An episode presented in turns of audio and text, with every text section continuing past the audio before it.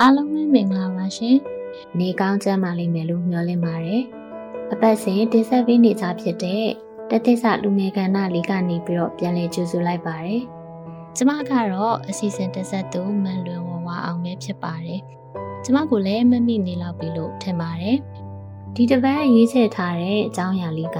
ကိုချင်းစာစိန်လေးထားတတ်စေခြင်းဆိုတဲ့အကြောင်းအရာလေးဖြစ်ပါတယ်။1 2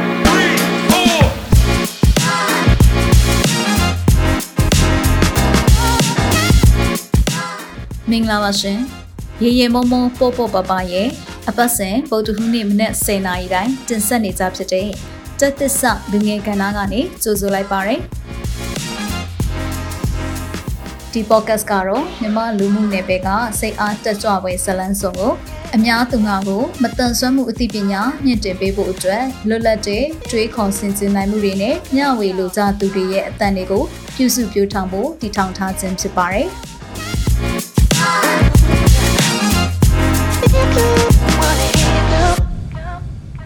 မိတ်ဆွေတို့ရေကိုချင်းစာစိတ်ဆိုတဲ့အရာကကျမတို့ရဲ့ပင်ကိုဗီဇကြောင့်ဖြစ်ပေါ်လာတာလားစနစ်တကျလေးစင်ထားတဲ့အရာလားပြီးတော့အဲ့ဒီစိတ်လေးရလာအောင်ဘလို့အချက်တွေနဲ့မိမိကိုယ်ကိုတိဆောက်ရမလဲမိမိကိုယ်ကိုပြုစုပြောင်းထောင်ရမလဲဆိုတာကိုခုစီစဉ်လေးမှာပြောပြပေးသွားမှာဖြစ်ပါတယ်ကိုချင်းစာစိတ်ဆိုတာကတယောက်နဲ့တယောက်ထားတဲ့ပုံချင်းမတူသလိုပဲအတိတ်ပဲဖွဲ့စုပုံချင်းလည်းတူမယ်လို့မထင်ဘူးပေါ့နော်ကျမတို့လူသားတွေက ကိုယ့်ထက်အရာရာနှိမ့်ကြပြီးတော့မပြည့်စုံတဲ့သူနဲ့တွေ့တဲ့အခါမှာဖြစ်တတ်တဲ့ခံစားချက်တစ်မျိုးလို့လည်းဆိုလို့ရပါတယ်။ဆိုကြပါစို့လူတစ်ယောက်ကိုလမ်းမှာတွေ့ပြီးအဲ့ဒီလူကအဝတ်အစားတွေလည်းစုပ်ပြက်နေတယ်။သူ့ရဲ့စားဝတ်နေရေးအသင်မပြေတဲ့အတွက်ကြောင့်လမ်းဘေးတနေရာမှာတောင်းစားနေရတယ်ဆိုရင်အရှင်ဆုံးကျမတို့ကတနာစိတ်ဝင်ကြတယ်မဟုတ်ဘူးလား။အ ਨੇ ဆုံးတော့ပတ်စံလေးတွေ့ရလောက်ဖြစ်ဖြစ်သူ့အတွက်ကူညီပေးခဲ့မိတယ်။ ဒါတွေမဟုတ်သေးဘူးတနေရာကိုရောက်သွားကြပြီ။ကျမတို့ကလမ်းပေါ်မှာမကြမ်းမာတဲ့တက်ကြီးရွယ်အိုတယောက်ဈေးရောက်နေတာကိုတွေ့ပြီဆိုရင်လေခုနကတနာတဲ့စိတ်ကလေးကဝင်လာတယ်ပေါ့နော်ကိုချင်းစားတဲ့စိတ်ကလေးဝင်လာတယ်အဲဒီလောက်တောင်အသက်ကကြီးနေပြီဘာဖြစ်လို့သူ့ကိုကူညီမဲ့သူမရှိရလဲသူ့ရဲ့သားသမီးရောဘာဖြစ်လို့မဆောက်ရှောက်ကြရလဲအစားရှိသဖြင့်အတွေးပေါင်းများစွာနဲ့ကျမတို့တွေးတတ်ကြတယ်ပေါ့နော် သူသာငါနေရာမှာဆိုရင်ငါသာသူ့နေရာမှာဆိုရင်ဆိုတော့အတွေးမျိုးတွေအမျိုးမျိုးဖြစ်တတ်ကြတယ်ပေါ့ဆိုတော့ကျမပြောချင်တဲ့ကိုချင်းစာစီဆိုတာကလည်းဒီလိုမျိုးပဲဖြစ်တယ်ပေါ့နော်ဒီထက်ပိုတာမျိုးလဲရှိကောင်းရှိနိုင်ပါတယ်ကိုချင်းစာတယ်ဆိုတာကကျမအနေနဲ့ဘယ်လိုခံစားမိလဲဆိုရင်တစ်ဖက်လူအပေါ်မှာဝင်ရောက်ခံစားပြီးတော့မိမိကကိုထီလက်ရောက်ပူညီပေးတာကိုစိုးလို့ချင်တာပေါ့နော် ဘယ်လိုမျိုးလဲဆိုတော့ပြောပြမယ်နော်ကျမတို့ခင်မြင်ရတဲ့မိတ်ဆွေတငယ်ချင်းကပဲဖြစ်ဖြစ်မိသားစုဝင်တယောက်ကပဲဖြစ်ဖြစ်တခါတည်းသူတို့ရဲ့အခက်အခဲတွေကိုရင်ဖွင့်ပြောဆိုလာတဲ့အခါကြုံမှာပါအဲ့ဒီအချိန်မှာမိတ်ဆွေတို့အနေနဲ့ဘယ်လိုနားထောင်ပေးခဲ့ပါသလဲပြန်ပြီးတော့စဉ်းစားကြည့်ပါအပေါ်ရမဲနားထောင်ပြီးခဲ့သလားရင်ပတ်သေးသည့်ဝန်ခံစားပြီးတော့နားထောင်ပြီးခဲ့ပါသလားအဖြေကတော့ ပါနေပါပြီတခြားသူတယောက်ရဲ့အခက်အခဲကိုရင်ပတ်သေးသည့်နားထောင်ခံစားပြီးဖို့လိုပါတယ်နားထောင်ပြီးတဲ့အခါသူ့ရဲ့ခံစားချက်အခက်အခဲပြဿနာတွေကိုစကလုံးတွေနဲ့အားပေးနှစ်သိမ့်ပေးပါဒီလိုမှမလုပ်ပေးနိုင်ဘူးဆိုရင်အ ਨੇ ဆုံးသူ့ကိုအားတက်သွားစီနဲ့အပြုံးလေးတစ်ခုတော့ပြုံးပြလိုက်ပါဒါကဘလောက်ပဲသိငယ်တဲ့အပြုမှုဖြစ်ပေမဲ့တစ်ဖက်လူအတွက်အများကြီးအကျိုးဖြစ်စေပါတယ်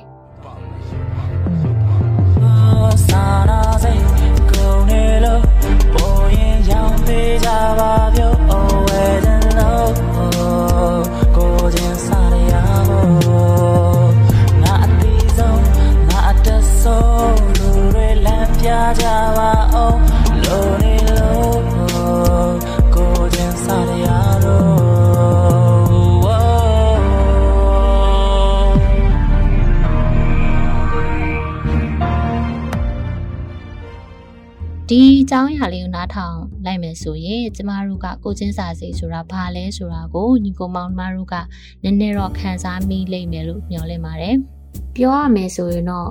သူ့ရဲ့နေရာမှာဝင်ပြီးတော့ခံစားပေးရပါတော့ကိုချင်းစာစိတ်ဆိုတဲ့အရာဟာဒီလိုပဲမမြင်နိုင်တဲ့စိတ်ဆွာတစ်ခုဖြစ်ပါတယ်ဒီမမြင်နိုင်တဲ့စိတ်ဆွာဟာနူးညံ့သိမ်မွေ့တယ်လို့ထင်ရပြီမဲ့ အင်မတန်အားကြီးရယ်ပေါ့နော်ဒီကိုချင်းစာစိတ်ထားတတ်တဲ့အတွက်ကြောင့်လူတစ်ယောက်ကအများကြီးပြောင်းလဲသွားတယ်လူတွေရဲ့အမြင်ကလည်းကိုယ့်အပေါ်မှာအများကြီးပြောင်းလဲသွားတယ်ပေါ့နော်မလေးချလို့မဖြစ်တော့ပါပုံစိုးတဲ့တခြားဘဝတော့အာနာအသက်ရှင်ရတော့တိတ်ပဲတဖြည်းဖြည်းမဲနေတ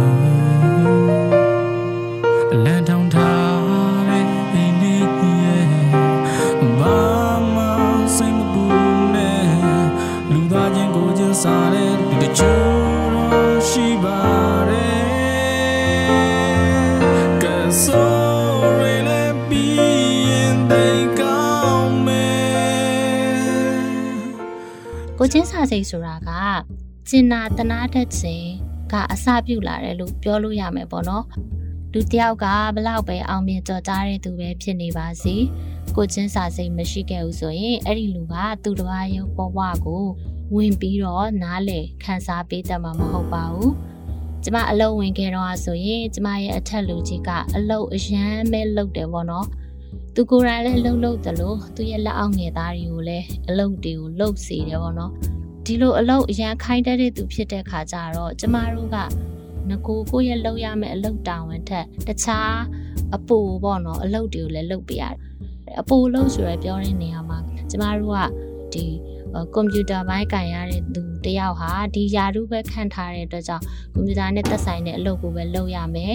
အဲဒီလိုပဲကျမတို့စိတ်မှာကတွေးထားတယ်ပေါ့နော်ဒါပေမဲ့လို့ဒီအထက်လူကြီးကခိုင်းလာတဲ့အခါမှာဒီကုမ္ပဏီပိုင်ရှင်ပေါ့နော်ကိုယ့်ရဲ့ကိုကဝန်ထမ်းဖြစ်နေတဲ့အခါကျတော့ဒီလိုမျိုးခိုင်းလာတဲ့အခါမှာလုပ်ပေးရတယ်ပေါ့နော်ဥပမာပတ်ကင်ထုတ်ရင်လည်းထုတ်ရတယ်တပြည့်စည်းလဲရင်လည်းလှဲရတယ်ပေါ့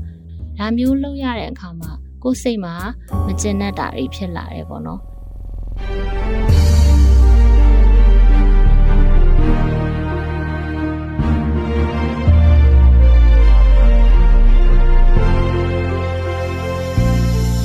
ကျွန်တော်တို့လောကကြီးကပညာတွေပြငွေမျက်နှာတစ်ခုကြောင့်ဘသူတည်တည်မတည်မှန်မှာပတ်စံကိုရေလိုခင်လေဝယ်ရတဲ့ခေတ်မှာဒီချို့ကအသက်ရှင်နေလဲအမြင်မှန်မရ တူနဲ့တူဘာမှမထိုးလဲအပြန်လန်ပုတ်ခတ်နေကောင်းသူပဲမကောင်းသူကဲတဲ့ခက်ပြက်ကြီးကိုချုပ်ကြောက်နေအယူကတမိုးတာနေတော့ရုပ်ပေါက်နေအဲ့ဒီခါကျရင်ကျွန်တော်တို့အလုတ်ရှင်စိတ်တူပြီးတော့သူ့အပေါ်မှာဟိုမုံတီးစိတ်တွေဝင်နေပေါ့နော်အဲ့ချိန်မှာအလုတ်ခွင်ထဲမှာအစင်မပြေမှုတွေကဖြစ်လာခဲ့တယ်နောက်တစ်ခုကအလုတ်ချိန်တက်ပို့ပြီးတော့လုတ်ပေးခဲ့ရတာတွေပေါ့နော်ဒါတွေဆိုလို့ရှိရင်ကြည့်ချင်အပြင်ကျမတို့ရဲ့စိတ်မှာကဒီကျမတို့ရဲ့အလုတ်ရှင်အပေါ်မှာ သူကကိုချင်းစာအစိတ်မရှိဘူးအဲသူကတော့ကိုယ်ပိုင်ကားနဲ့ပြန်နေရပြီးတော့အလုတ်ချိန်နောက်ကြလဲသူတက်တော့ကိစ္စမရှိဘူးပေါ့ကိုတွေကဘတ်စကားနဲ့ပြန်ရတဲ့ခါကျတော့ကိုယ့်ရဲ့အလုတ်ချိန်ထပ်ပို့ပြီးတော့ဆင်းပေးတဲ့အခါလမ်းရအခက်ခဲကို तू ကမမြင်ပေးဘူးပေါ့နော်ဒီလိုမျိုးကျမတို့ကသူ့ကိုကိုချင်းစာစိတ်မရှိတဲ့သူအဖြစ်စိတ်ဓာတ်မှာတတ်မှတ်တယ်ပေါ့နော် မန်တရားကိုအတ္တနဲ့ဖိနှိပ်ခါထားတော့ပညာမဲ့ဝင်အာနာပါဝါရှိမှအဖက်လောက်ချင်တာအစင်သာပဲမင်းမညာနဲ့ပြုတ်လဲမင်းကိုဘသူကူညီလဲအတူတူပါပဲပူပူချင်းတက်ဖို့မตาပါနဲ့လူမှန်အားနဲ့ချက်ကိုစီနဲ့ဘသူမှမပြေဆုံးဘူးအာသာချက်ရှိနေလဲပဲတစ်ခါတလေမှအသုံးမဝင်ဘူးကိုကောင်းဆန်သူတွေနဲ့လဲမျက်နှာချင်းဆိုင်မပြုံးချင်ဘူးမီးလောင်အောင်လေပင်ပေးတဲ့သူတွေနဲ့လဲရှော့ချစိတ်ကုန်နေလို့ပေါ်ရင်အောင်ပေးကြပါပြော Oh where the love ကိုချင်းစားရဖို့ငါအသေးဒါပေမဲ့အချိန်ကြီးကြာလာတဲ့အခါမှာတော့စိတ်ကပြောင်းလဲတယ်လူမျိုးမဟုတ်တော့ဘဲနဲ့တခြားအလုပ်တွေလုပ်ပေးရတဲ့အခါ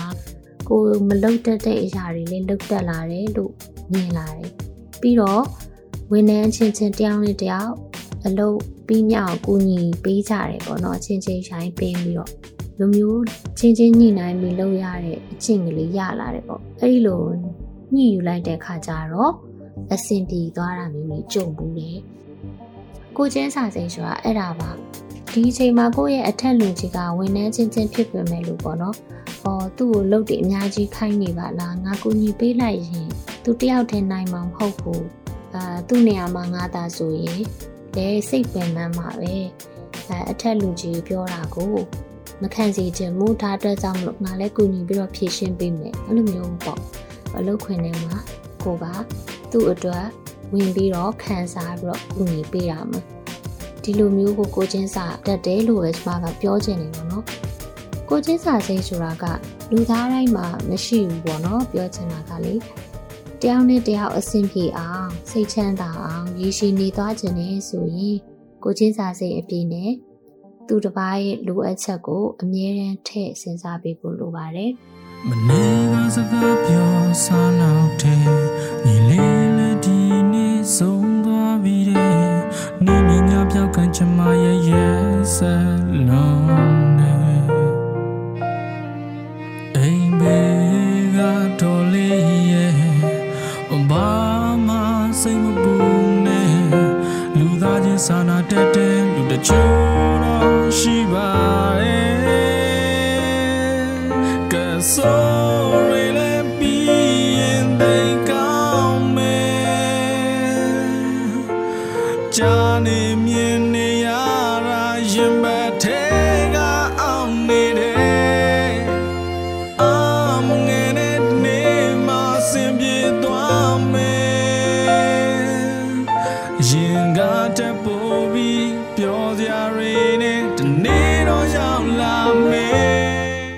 ကယ်၍သူတစ်ပါးရဲ့လိုအပ်ချက်ကိုကိုကမစင်စားဘူးဆိုရင်တစ်ဖက်လူကသူတို့ကိုလေးစားလောက်တဲ့လူလို့သဘောမထားဘူးဆိုတဲ့အထိပဲပေါက်သွားနိုင်ပါတယ်။ညီကောင်မောင်မတို့ကစဉ်းစားဘူးမှာပါ။ကျမတို့ဒီလိုစကားပြောတဲ့အရာတစ်ခုကိုပဲကြည့်မယ်ဆိုရင်တစ်ဖက်လူကိုကိုကကိုယ့်ရဲ့အကြောင်းတွေကိုပြောပြနေတယ်ရင်ဖွင့်တိုင်ပင်တဲ့အခက်အခဲတွေကိုသူကဒီစကားပြောနေတဲ့အချိန်မှာတော့ကိုယ့်ကိုပေါ့နော်အာယုံဆိုင်ပြီးနားထောင်မပေးဘူး ကိုယ့်ကိုဝန်ခံစားမပေးဘူးဆိုရင်ဒီလူကဟိုကိုပြောတာကိုဂရုလည်းမဆိုင်ဘူးအဲနောက်ဆိုရင်သူ့ကိုပြောမှမဟုတ်တော့ဘူးတဲ့စိတ်ကလေးဝင်မိရဒီလိုမျိုးပဲတစ်ဖက်လူကကိုယ့်ကိုယူဆသွားတဲ့အခါသူ့ရဲ့စိတ်ထဲမှာဘယ်လိုဖြစ်သွားလဲဆိုတော့ကိုကတမိုးမထားဘူးလို့ယူဆတဲ့အတွက်ကြောင့်သူကလည်းကိုယ့်ကိုပေးစရာရှိရင်မပေးတော့ဘူးဆိုတဲ့အတွေ့အကြုံဝင်သွားစေတယ်ပေါ့ ငါရဲ့လိုအပ်ချက်ကိုမှအလေးမထားရင်ငါကတစ်ဖက်သက်ကြီးသူ့ဆန္ဒကိုပဲဖြည့်ဆည်းမပေးနိုင်ဘူးလို့တွေးတော့တယ်ပေါ့နော်ဒီလိုတွေးတွေကကြတော့ကိုကိုယ်တိုင်လည်းတွေးခဲ့ဘူးသလိုဒီလိုမျိုးကိုကိုပြုလုပ်တာလည်းခံခဲ့ရဘူးတယ်ပေါ့နော်တွေးကြုံမှုကြမယ်လို့ထင်ပါတယ်ဒါကြောင့်မလို့ကိုချင်းစာစိတ်လေးထားချင်နေဆိုရင်ပထမအဆုံးအချက်အနေနဲ့ကတစ်ဖက်သားရဲ့လိုအပ်ချက်ကိုကိုကသိအောင်ကြိုးစားရမယ်မသိသေးဘူးဆိုရင်သိအောင်လုပ်ရမယ် ပြီးရင်သူတို့ကိုကိုကလိုက်ရောနိုင်တဲ့လောက်ဖြစ်နိုင်တဲ့လောက်ဖြည့်ဆည်းပေးရမယ်နော်တချို့ကိစ္စတွေမှာတစ်ဖက်သားပြောတဲ့စကားကိုနားထောင်ကြည့်ရင်သူဘာကိုဆိုလိုချင်တာလဲဆိုတာနည်းနည်းတော့ပေါ်လွင်နေအဲတချို့လူတွေကပေါ့ကိုလိုချင်တဲ့အရာကိုမပြောချင်ကြဘူးအဲတချို့ကကိုဒီလိုပြောလိုက်လို့ရှိရင်သူ့ကိုဘယ်လိုများထင်မလဲဆိုတော့စိတ်မျိုးဝင်နေပေါ့နော်ဥမာကျမတို့နဲ့အနိကဆုံမိသားစုတွေကြည့်ကြမှာပေါ့နော် အဲအိမ်အောင်တယ်တွေပဲဆိုပါစို့မိမိရဲ့အိမ်အောင်ဘက်ပေါ့ထားပါတော့နော်နှစ်ပေါင်းအိမ်အောင်သက်9နှစ်6နှစ်လောက်ရှိလာပြီကိုယ့်ရဲ့အမျိုးသားကိုယ့်ရဲ့အကြောင်းကိုပဲသိမယ်လို့ပေါ့နော်ငါရဲ့လိုအပ်ချက်ကိုဘာပြောစရာလိုလဲဆိုတာမျိုးရှိတတ်တယ်ပေါ့နော်တကယ်တော့အဲ့လိုမဟုတ်ပါဘူးကျမတို့မသိတာတွေလည်းရှိတယ်ပေါ့နော်အဲ့ဒါမျိုးကိုယ့်ရဲ့လိုအပ်ချက်ကိုမသိလည်းပဲလုပ်ပေးရမှာပေါ့သိနေရမှာပေါ့ဆိုတာမျိုးကိုရီးယား တွေးရကြတယ်ပေါ့နော်အဲ့ဒါကနည်းနည်းဒါမှားနေတယ်လို့ပြောချင်တယ်ပေါ့နော်ကိုယ်တကယ်ချစ်တဲ့ကိုယ့်ရဲ့လိုအပ်ချက်ကိုသိတဲ့သူဟာကိုယ့်ရဲ့အရှိအကယ်အားလုံးကိုကြည့်နေမှာဖြစ်တယ်ပေါ့နော်ဘယ်ရမဆိုကိုချင်းစားရရှိပါဘယ်ချစ်ဆိုတဲ့နဲ့ရှင်ကားသေးပါလူပိတာအောင်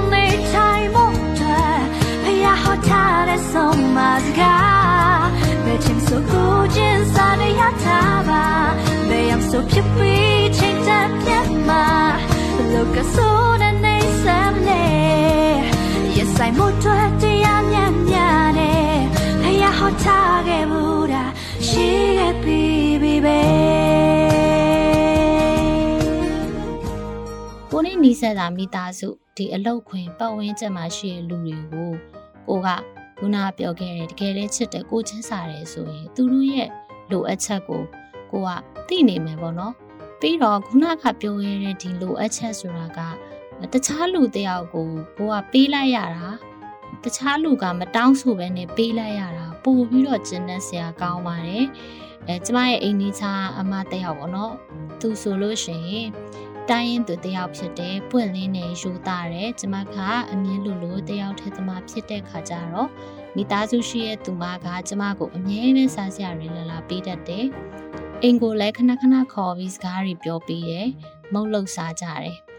ဒါကကျမကတောင်းဆိုလို့မဟုတ်ပါဘူးသူမရဲ့ရှင်လေးကတကယ်လိုအပ်လို့ပြီးလာတဲ့စေတနာဖြစ်ပါတယ်အပြောချင်တာကကိုချင်းစာတက်ချင်းပဲပေါ့တိတ်ဟုတ်သေးနေနေရတဲ့အဆင်ပြေပါမလားငါကူညီမဖြစ်မယ်ဆိုတဲ့စိတ်ထားလေးသူ့မှာရှိနေလို့ပေါ့နော်ဒါကအရေးကြီးရပေါ့နော်ဒီလိုပဲဒီလိုအပြုမူလေးက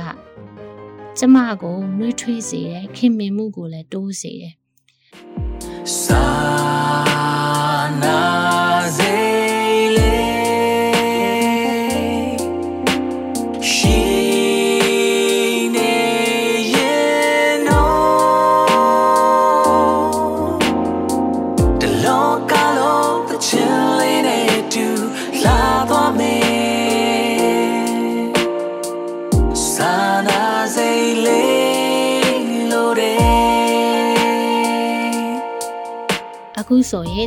ဘွားတူတန်ဆွမ်းနေအတွက်လှုပ်ရှားကြတယ်ပါဝင်ပေးကြတယ်တန်နိုင်တဲ့ဘက်ကနေပြီးတော့ကူညီကြတယ်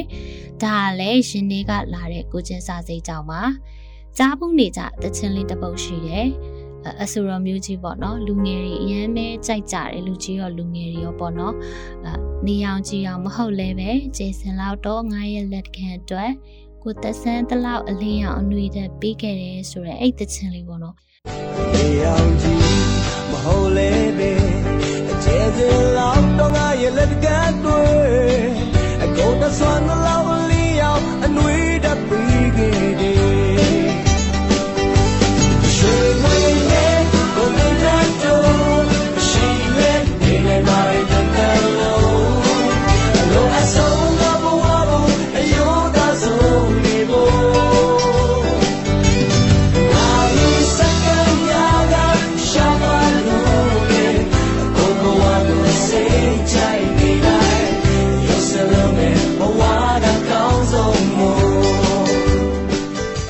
ကျမတို့ကအများကြီးမလုံနိုင်ပေမဲ့ဒီကိုချင်းစာစိတ်ဆိုတဲ့အရာလေးနဲ့ကိုတက်နိုင်သလောက်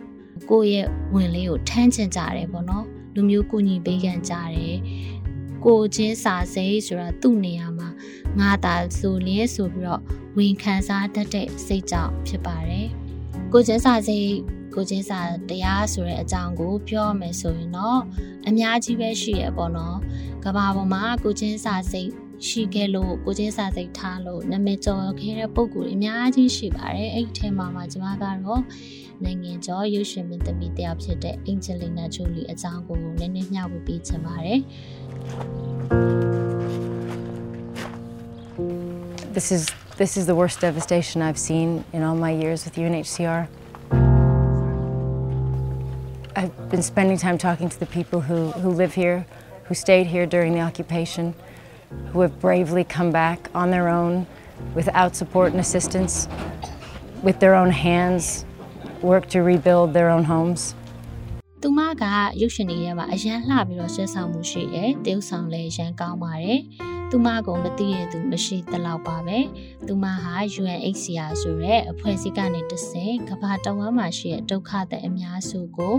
သူမရဲ့အမှုပညာမှာရရှိတဲ့ဝင်ငွေတွေနဲ့လှူဒန်းထောက်ပံ့ပေးနေတာဖြစ်ပါတယ်။အီရတ်မှာရှိတဲ့ငလင်တန်ခန်းစားနေရတဲ့နေရာတွေလည်းသူကိုယ်တိုင်သွားရောက်အားပေးပြီးတော့လှူဒန်းတာဖြစ်တယ်။တချို့သောသူတွေကလူရန်မှုပြုလုပ်တယ်ဆိုတဲ့နေရာမှာငွေကြေးထည့်ဝင်ပြီးတော့ဘယ်ဒီတိုင်းပြီးသွားတဲ့ လူတွေများတယ်ပေါ့နော်ဒါပေမဲ့လို့ဒီမင်းသမီးလေးကတော့ကိုကိုယ်တိုင်သွားပြီးတော့အပေးနှစ်သိမ့်တယ်ဆိုတဲ့အရာကဒါသူဟာကိုချင်းစာစိတ်အားကြီးလို့ပေါ့နော်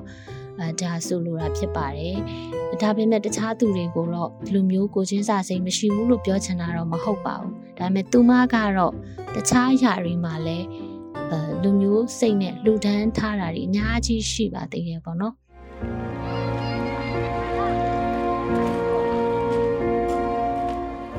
I wanted to be here with the, the people of Mosul, people of Iraq, the people of Middle East on Eid to show my respect to all that they've overcome and all that they've suffered. And I'm very happy I've made some beautiful friends today. ဒီလိုပဲကျမတို့ရဲ့နိုင်ငံမှာလည်းပဲရှိရပေါ့နော်အခုဆိုအားလုံးပဲသိကြမယ်ပေါ့နော် အသေးဥဆောင်ခိုင်နှင်းဝေဆိုရင်ဒီကလေးမိဘမဲ့ကလေးတွေအတွက်ကို okay ဟာရီလည်းလုပ်ပေးတယ်ကလေးတွေရဲ့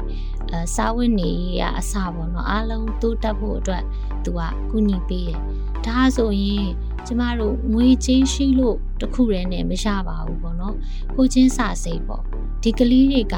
မိဘလည်းမရှိကြဘူးဒီကလေးအသက်ချင်းဘယ်လိုလုပ်မလဲ သူတို့ဘဝဘယ်လိုများရက်တည်မလဲဆိုတော့ကိုချင်းစာစိတ်ပေါ့အဲ့ဒီစိတ်အရင်ကန်ကြောင်းသာဒီလိုမျိုးအလုပ်တွေလုပ်လို့ရတာဖြစ်တယ်ဆိုတာကိုကျမတို့ကအတူယူလို့လည်းရတယ်အနည်းဆက်ဆုံးမှရှိရသူတွေကိုပေါ့အလင်းအောင်တင်မဲ့တော့အခန်းငယ်လေးတစ်ခုလုံးလောကီကဘာမြေကြီးအကြည့်တန်းနေပြီလေအဖြစ်မဲ့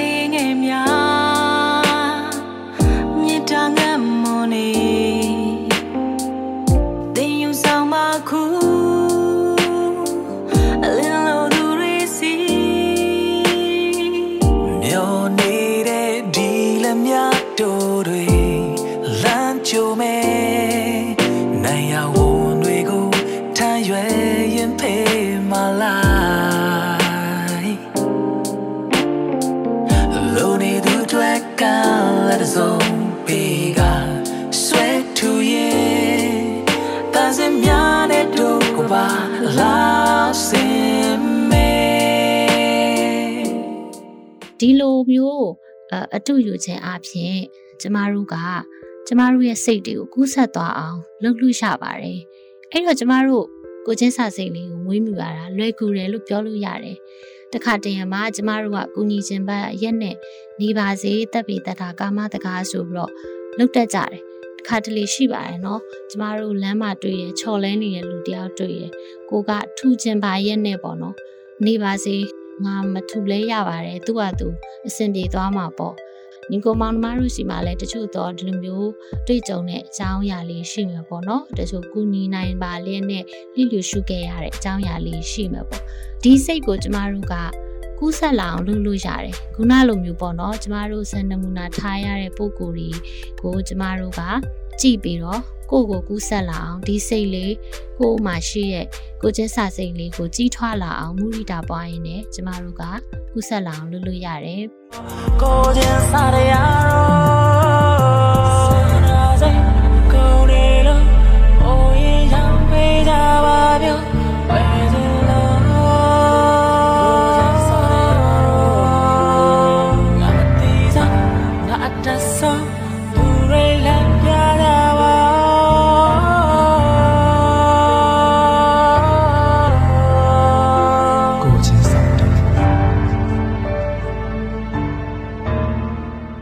ဒီလိုစိတ်ထားတည်ငြိမ်အေးချမ်းတဲ့သူမေတ္တာကရုဏာကြီးရဲ့သူကျင်နာတတ်တဲ့သူကိုချင်းစာစိတ်ထားတတ်တဲ့သူအားလုံးကောင်းမှုအတွက်စေတနာထားတဲ့သူကိုယ့်အတွက်အဆင်ပြေဖို့အရေးသူတစ်ပါးဒုက္ခရောက်မှာမလိုလားတဲ့သူဖြစ်အောင်ကိုယ့်ကိုယ်ကိုပြုစုပြောင်းထောင်ရမှာပါမခက်ခဲပါဘူးလုပ်ကြည့်လို့ရပါတယ်မိမိကိုယ်ကိုအခုလိုတိဆောက်ပြီးပြီဆိုရင်တော့မိမိပတ်ဝန်းကျင်မှာရှိတဲ့ဒီလိုလူတွေကိုပြည့်နေအောင် မိမိရဲ့အပေါင်းအသင်းတွေကိုလည်းတက်နိုင်သလောက်တိုက်တွန်းမယ်နှိုးဆော်မယ်နီးလန်းပြမယ်ဆိုရင်ပို့ပြီးတော့အကျိုးများသွားပါပြီကိုချင်းစာစိတ်ဆိုတာဟာအစင်တန်းမြင့်တဲ့စိတ်ပါစိတ်အစင်တန်းမြင့်လာပြီဆိုရင်ဘဝအစင်တန်းလည်းမြင့်လာမှာအဟုတ်ပါပဲမိမိရဲ့ပတ်ဝန်းကျင်မှာဒီလူတွေများလာပြီဆိုရင်တင်ရတာတော်တော်လေးအဆင်ပြေသွားပါပြီ Sana zeyle, Sana zeyler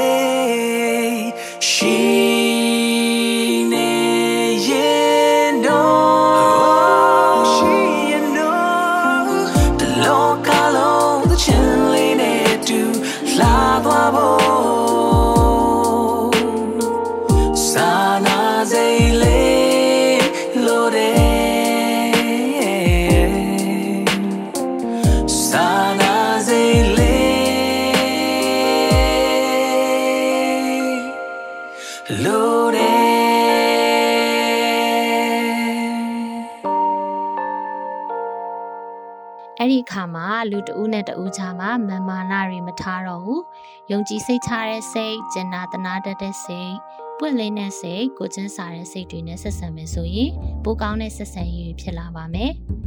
ဒါမှဟန်ဆောင်မှုကင်းတဲ့ဆက်ဆံရေးတွေရလာမှာပါဒါကြောင့်မမီရဲ့စိတ်ကိုသိပြီးတော့ပြင်ဆင်နိုင်မှာပဲတကယ်မိကောင်းဆွေကောင်းဖြစ်နိုင်မှာပါ မိတ်ဆွေတို့လည်းတနာကျင်နာတဲ့အရှင်ခံစိတ်ကနေဘဝအစဉ်တန်းမြင့်အောင်လှုပ်ဆောင်နိုင်တဲ့သူများဖြစ်ကြပါစေလို့ဆုမကောင်းတောင်းရင်းနဲ့ဒီအစီအစဉ်လေးကိုအဆုံးသတ်လိုက်ပါရရှင်မိတ်ဆွေတို့အားလုံးဘဝအမောပြေကြပါစေ။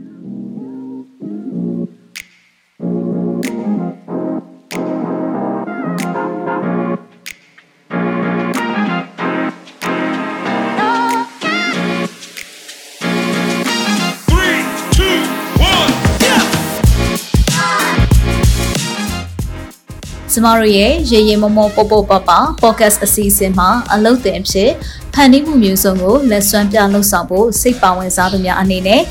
Google Form ကနေပြီးတော့မှမိမိတို့ရဲ့မှတ်ပုံတင်ရှင်းနှောင်းနဲ့အလှတက်ပုံတစ်ပုံအပြင်နမူနာလက်ရာတစ်ခုနဲ့အတူအမြင့်ဆုံးရှောက်ထားဖို့ဖိတ်ခေါ်လိုက်ပါတယ်။နောက်ပတ်ဗုဒ္ဓဟူးနေ့မနက်10:00နာရီမှာပြန်ဆုံကြရအောင်နော်။